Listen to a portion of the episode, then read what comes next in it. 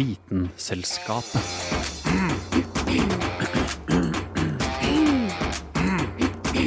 Vitenselskapet.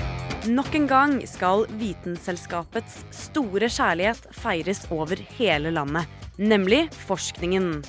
Grensesprengende, lærerik, spennende. Endelig er det tid for forskningsdagene.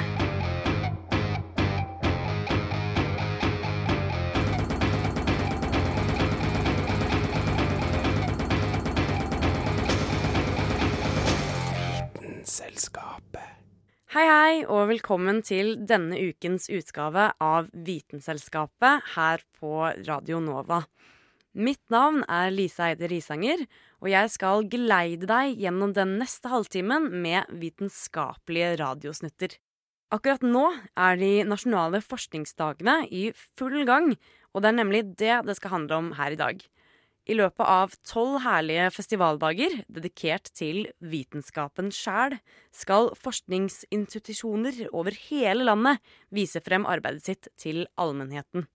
Denne helgen ble Universitetsplassen i Oslo forvandlet til et utopia for forskningsspirer i alle aldre. På Forskningstorget kunne man finne boder med spennende forskere, interessante utstillinger og de mest forunderlige eksperimenter. Her kunne mang en nysgjerrig hjerne lære noe nytt. Visste du f.eks. at mer eller mindre alle steiner er magnetiske? Noen er svakere enn andre og kan kun måles med spesialutstyr, men til gjengjeld kan de vise oss hvordan kontinentene beveget seg for hundretusenvis av år siden. Hanne Grydland har snakket med en av de som forsker på nettopp dette. Så vi har en samling her av noen få magnetiske steiner som vi kan vise folk som kommer forbi, hvordan de påvirker campusen. Og så har vi noen prøver her som vi kan vise at vi har tatt uh, fra skogen, og så måle i laben vår i orden å uh, fortelle oss mer om magnetisk feltet og hvordan de har forandret. Matt Domeyer er postdoktor og jobber ved Center for Earth Evolution and Dynamics ved UiO. Han jobber med såkalt paleomagnetisme, dvs. Si magnetiske steiner. Ved hjelp av magnetisme kan man nemlig finne ut hvordan kontinentene har beveget seg. Men da er det viktig å ha utstyr som viser nøyaktig hvor i berget man tar steinprøver fra. Uh, dette her er en, uh, en, uh, noen utstyr som vi bruker å orientere prøvene våre. Fordi det som er viktig, viktigst for oss hvis vi skal undersøke hvordan kontinentene har beveget gjennom tid, eller hvordan magnetiske feltet har forandret over tid. Vi må ha en veldig nøyaktig kontroll over retningen som vi måler. Så det er veldig viktig at vi vet hva, hvilken orientering prøven hadde da det var i steinen før vi tatt det ut. Og så vi kan bruke dette her og orientere prøvene våre. Grunnen til at det er viktig å vite hvilken orientering steinprøvene har, er fordi det kan fortelle om hvor på kloden steinen er fra. En magnet har jo to sider, eller poler som de blir kalt. Steiner som blir skapt på Nordpolen eller Sydpolen, har en magnetisme som går rett opp eller ned. Du kan tenke deg en magnet som står på høykant. Ved ekvator går den magnetiske retninga sidelengs, så her vil magneten på en måte ligge flatt på bakken. Denne magnetiske retningen endrer seg ikke selv om grunnfjellet kanskje flytter på seg. Så ved å se om steinprøvene har loddrett eller vannrett magnetisme, kan man finne ut hvor bergarten ble skapt. Det var f.eks. ved å følge steinenes magnetiske fingeravtrykk at forskerne fant ut at kontinentene har flytta seg slik som de har gjort flest har sett sett noen av disse kart hvor du sier f.eks. Pangea. Nå er alle kontinentene var samlet i noen stor uh, kontinent. Men dette har, og hvordan vi vet det. Så uten å ha dette metoden her, skal vi aldri ha lært om dette her. Så, så det, er, det, er, veldig viktig. Selv om du ikke tenker om det ofte, det har vært en veldig stor del av uh, vår forståelse av uh, hvordan planeten har forandret seg over lengre tid. Å vite vet Vitenselskapet.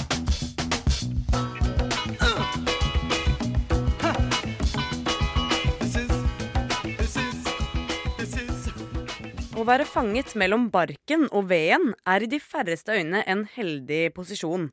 Men det finnes faktisk noen insekter som lever akkurat der.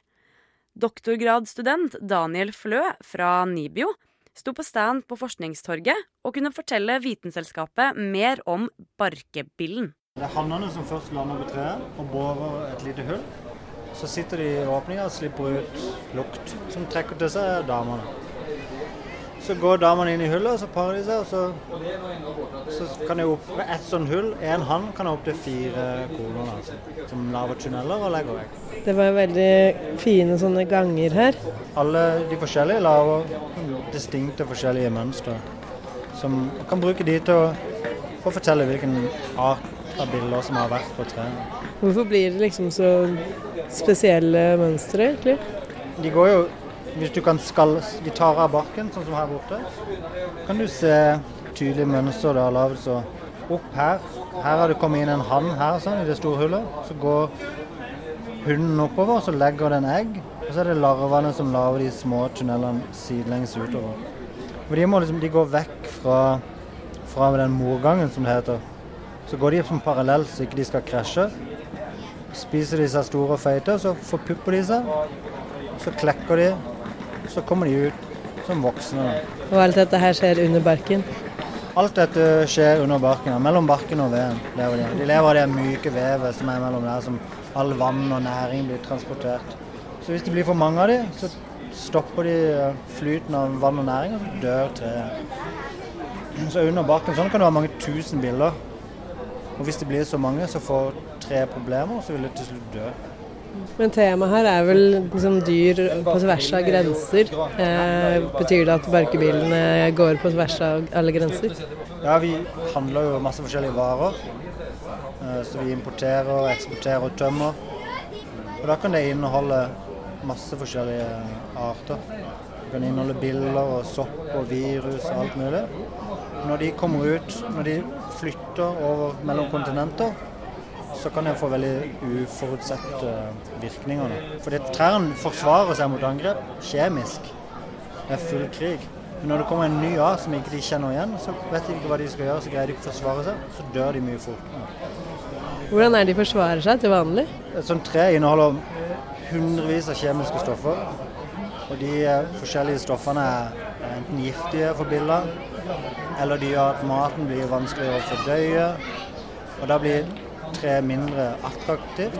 Og så kanskje tre eh, biller ikke orker å ha noe med det å gjøre, så det stikker. Kvae f.eks. Det, det er en av de forsvarsmekanismene. Når tre angriper, så spyr du ut kvae. Dytter biler ut fysisk. Samtidig som kvae er giftig. De inneholder masse, hundrevis av forskjellige stoffer som er, som er ubehagelige for biler. Ja, man tenker liksom ikke at trær er så Altså at de også kan slåss, men de gjør jo det. De gjør det. De, gjør det. de reagerer på liksom, enzymer i spyttet på dyret. Så skiller du ut masse stoffer øyeblikkelig og genererer masse nye stoffer som gjør det mindre attraktivt. Så sender de faktisk signaler til hverandre også. Når nabotreet kan lukte at det andre treet blir angrepet, så begynner det også å produsere forsvarsstoffer. Jeg er en barkebille i en barkebilletre. Jeg danser barkebillebugen når jeg skal av sted. Jeg har en barkebillefelle, ingen barkebillehatt. Jeg danser barkebilleboog. Vitenselskapet. Vitenselskapet på Radio Nova.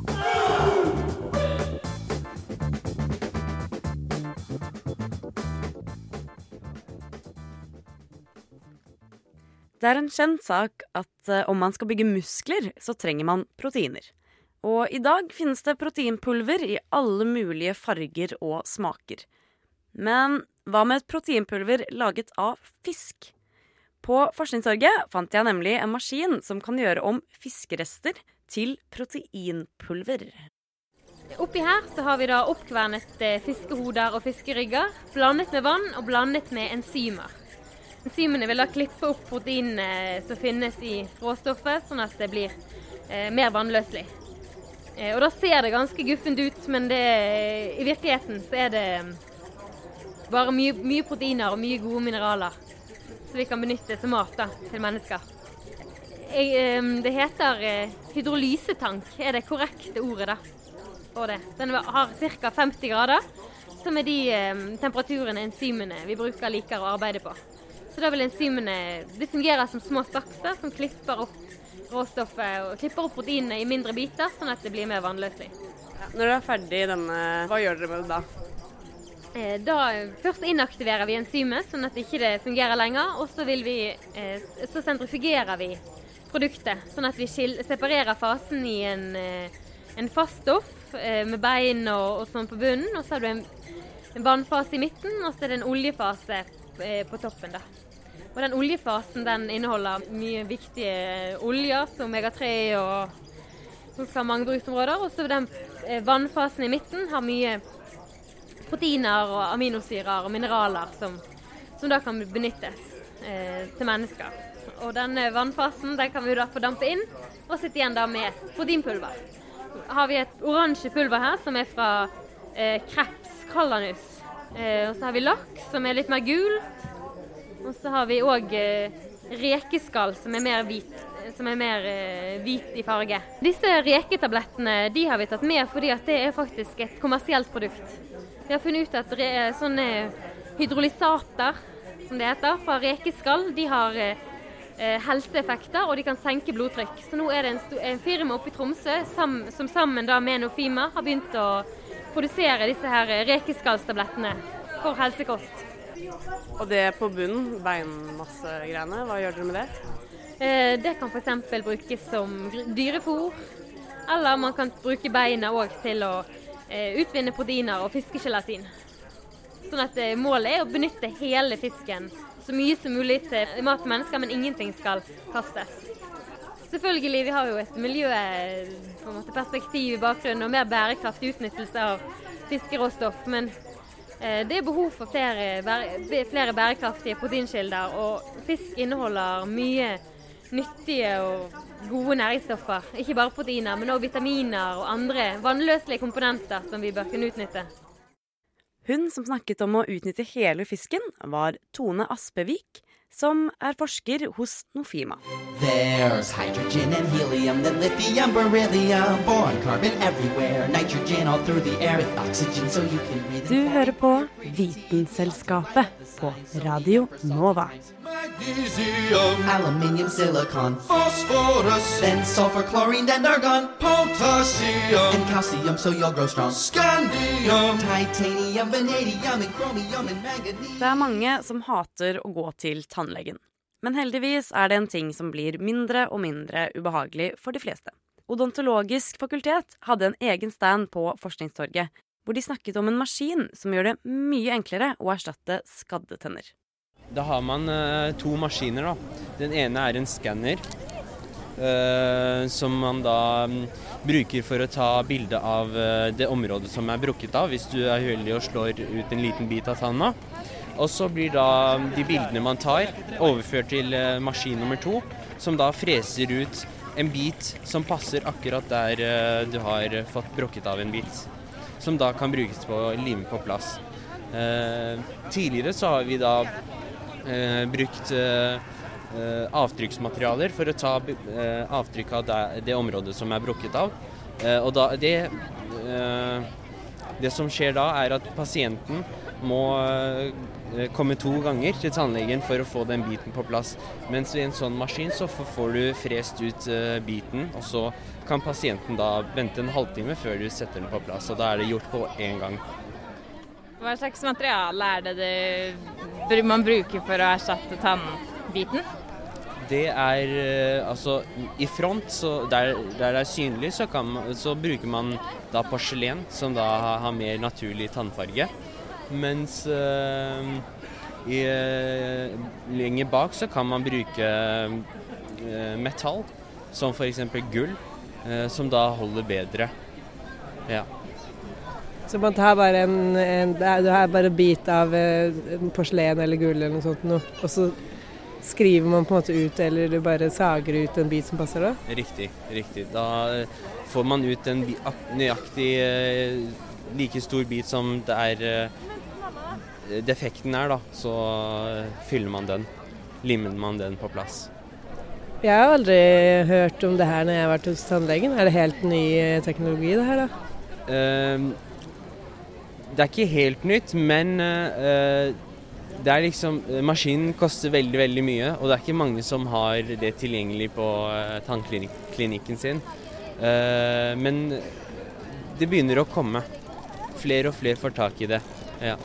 Det var Hanne og Kristin Grydland som snakket med tannlegestudenten Farok Khalid om Serek, maskinen som kan lage tannbiter.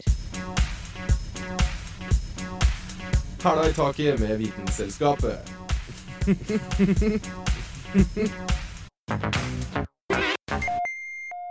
På en av standene på Forskningstorget møtte vi professor i plantebiologi ved UiO, Jorunn Elisabeth Olsen. Hun forsker på noe så spesielt som hukommelse hos trær. For trær har hukommelse. De har jo selvfølgelig ingen hjerne, men de har en, det vi kan kalle en cellehukommelse. Og historien bak det er sånn at i sin tid så eh, ville man dyrke frø av grantrær nordfra og høyt over havet. Man ville dyrke fram frøene i sør, fordi at frøene modna ikke alltid i nord. Så man lagde en sånn podinger som man flytta sørover, og så så man at det avkommet ble mindre frostheidig, mindre frosttolerant enn det ble, hvor frøene ble, kom fram i nord. Så det var den første begynnelsen for ca. 25 år siden. Og så har man gjort forsøk. Man har klart etter hvert å lage genetisk identiske frø. Planter som er genetisk identiske, 12 år gamle grantrær, hvor frøene er danna enten ved 18 grader eller 28 grader i et eksperiment. Og da vises, viser det seg at de får forskjellige klimatilpasningsegenskaper, selv om disse trærne er egentlig enegga tvillinger. Så er det sånn da at uh, når, spring, uh, når knappene springer ut om våren på dette, disse grantrærne, det er avhengig av den temperaturen de hadde når frøet ble danna, selv om de er genetisk identiske. Så hvis det var 18 grader, så vil knoppene bryte og begynne å vokse før enn de som hadde 28 grader når frøet ble danna. Og det er jo et frø som ble danna for 12 år siden, for de har jo vokst 12 år etter at frøet spirte. Vi prøver å finne ut hva skyldes dette? Siden disse trærne er enegga tvillinger, de er genetisk identiske, så må det være noe annet enn akkurat hvilke gener som er der. Og vi tror det handler om epigenetikk. Det er endringer i arvestoffet som ikke har med endringer i selve koden å gjøre så gjør vi en sånn grovundersøkelse av hvor mye metylering vi har på arvestoffet. Det er en kjemisk analyse, rett og slett. Hvor du isolerer arvestoff, og så har du en bestemt analyse. Du kan analysere hvor mye du har av disse metylgruppene.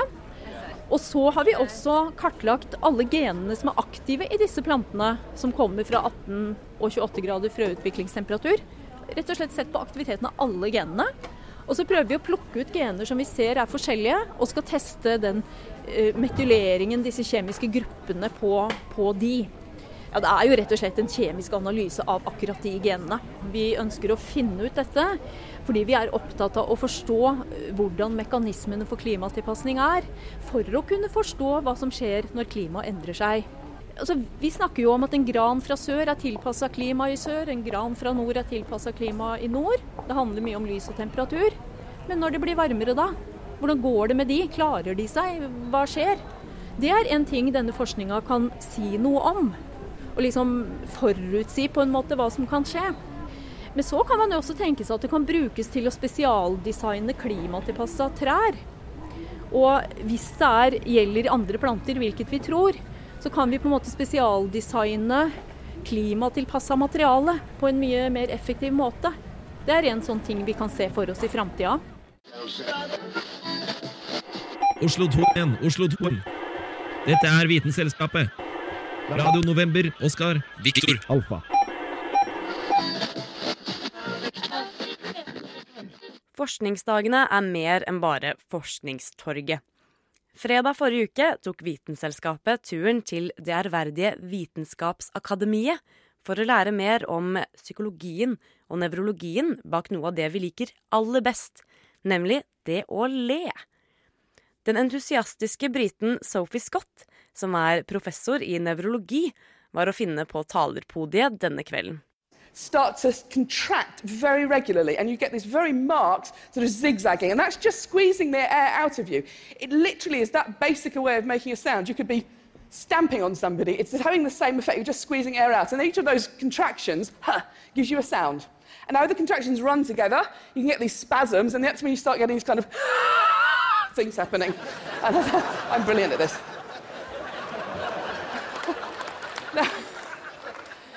In terms of the science of laughter, there isn't very much, but it does turn out that pretty much everything we think we know about laughter is wrong. So it's not at all unusual, for example, to hear people say humans are the only animals that laugh. Nietzsche thought oh, humans are the only animals that laugh. In fact, you find laughter throughout the mammals. It's been well described and well observed in primates, but you also see it in rats. And wherever you find it, humans, primates, rats, you find it associated with things like tickling. And that's the same for humans. You find it associated with play, and all mammals play. And wherever you find it, it's associated with interactions. So, Robert Provine, who's done a lot of work on this, has pointed out that you are 30 times more likely to laugh if you are with somebody else than if you're on your own. And where you find most laughter is in social interactions like conversation. So if you ask human beings, when do you laugh? They'll talk about comedy and they'll talk about humour and they'll talk about jokes. If you look at when they laugh, they're laughing with their friends. And when we laugh with people, we're hardly ever actually laughing at jokes. You are laughing to show people that you understand them, that you agree with them, that you're part of the same group as them. You're laughing to show that you like them, you might even love them. You're doing all that at the same time as talking to them. And in fact, the laughter is doing a lot of that emotional work for you. Something that Robert Provine has pointed out, as you can see here, and in fact, the reason why we were laughing when we heard those funny laughs at the start, and why I was laughing when I found my parents laughing, is that it's an enormously behaviourally contagious effect. You can catch laughter from somebody else, and you are more likely to catch laughter off somebody else if you know them. So it's still modulated by this social context. You have to put humour to one side and think about the social meaning of laughter, because that's where, it really, that's where its origins lie. Hvorfor ler vi? Mennesket er blitt kalt mange ting. Homo sapiens, det smarte mennesket, homo faber, det skapende mennesket, og zoon politikon, det sosiale eller politiske mennesket, og for ikke å glemme homo ludens, det lekende mennesket. Latter er som vi vet en nesten uunngåelig del av lek, og som vi hørte fra professor i psykologi Sophie Scott nettopp, så er ikke mennesket det eneste dyret som ler. Latter er faktisk blitt observert i flere andre arter, spesielt pattedyr. Men hvorfor i all verden vi? Now, something I've got very interested in is different kinds of laughter. And we have some neurobiological evidence about how human beings vocalize that suggests there might be two kinds of laughs that we have. So it seems possible that the neurobiology for helpless, involuntary laughter, like my parents lying on the floor screaming about a, a silly song, might have a different basis to it than some of that more polite social laughter that you encounter, which isn't horrible laughter, but it's, it's somebody's behaviour somebody is doing as part of their communicative act to you, part of their interaction with you. They are sort of choosing to do this. Now, in our evolution, we've developed two different ways of vocalising. Involuntary vocalisations are part of an older system, the more voluntary vocalisations, like the speech I'm doing now. So we might imagine that laughter might actually have two different roots. So I've been looking at this in more detail. Um, and to do this, we've had to make recordings of people laughing. And we've just had to do whatever it takes to make people laugh. And we've got those same people to produce more posed social laughter. So instead, imagine your friend told a joke and you're laughing because you like your friend, but not, you know, not, not, not really because the joke's all that. So I'm going to play you a couple of those. I want you to tell me you think this laughter is real laughter or if you think it's posed. So is this involuntary laughter or more voluntary laughter?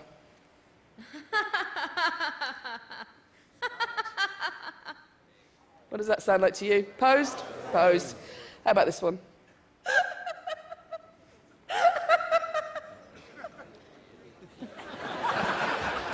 I'm the best.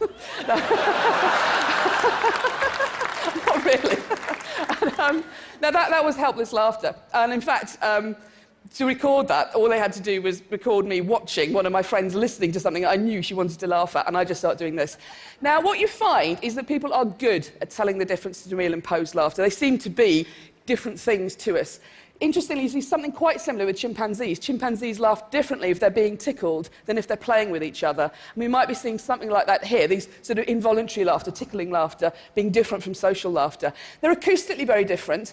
The real laughs are longer, they're higher in pitch. When you start laughing hard, you start squeezing air out from your lungs under much higher pressures than you could ever produce voluntarily. So, for example, I could never pitch my voice that high to sing.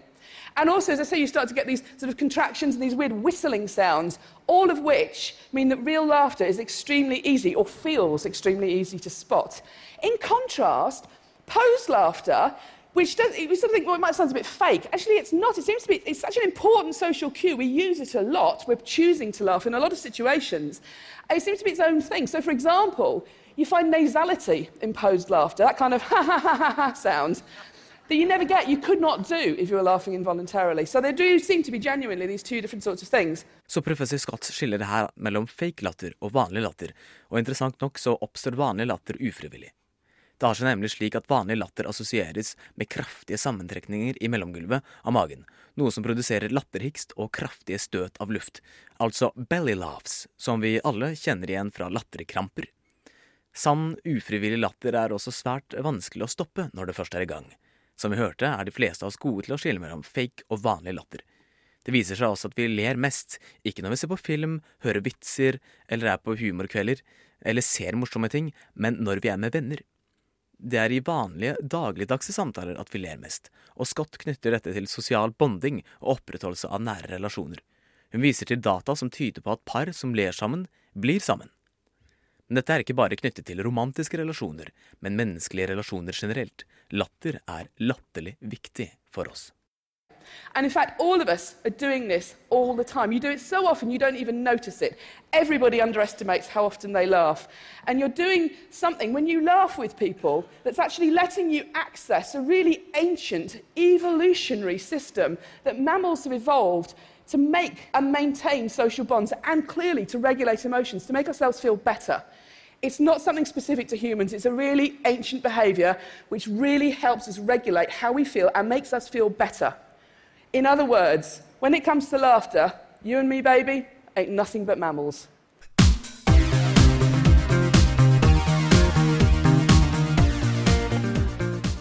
Innslaget du hørte her, ble laget av Dag Dramer.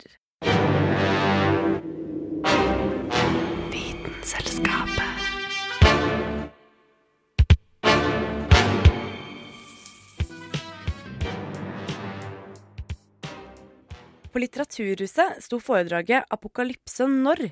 på programmet forrige uke. Foredragsholder Dag Beril er overlege og professor i infeksjonssykdommer ved UiO, og har forsket på antibiotikaresistens i 20 år.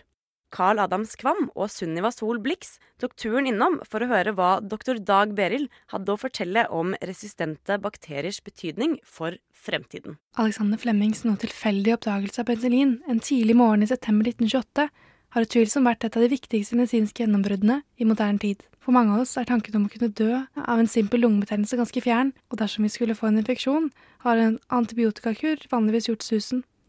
Men spesielt de siste årene har trusselen om antibiotikaresistente bakterier gjort store oppslag i nyhetene. De slike multiresistente bakterier, overlevende etter en antibiotikakur, som formerer seg videre og skaper mutanter som ikke blir påvirket av antibiotika.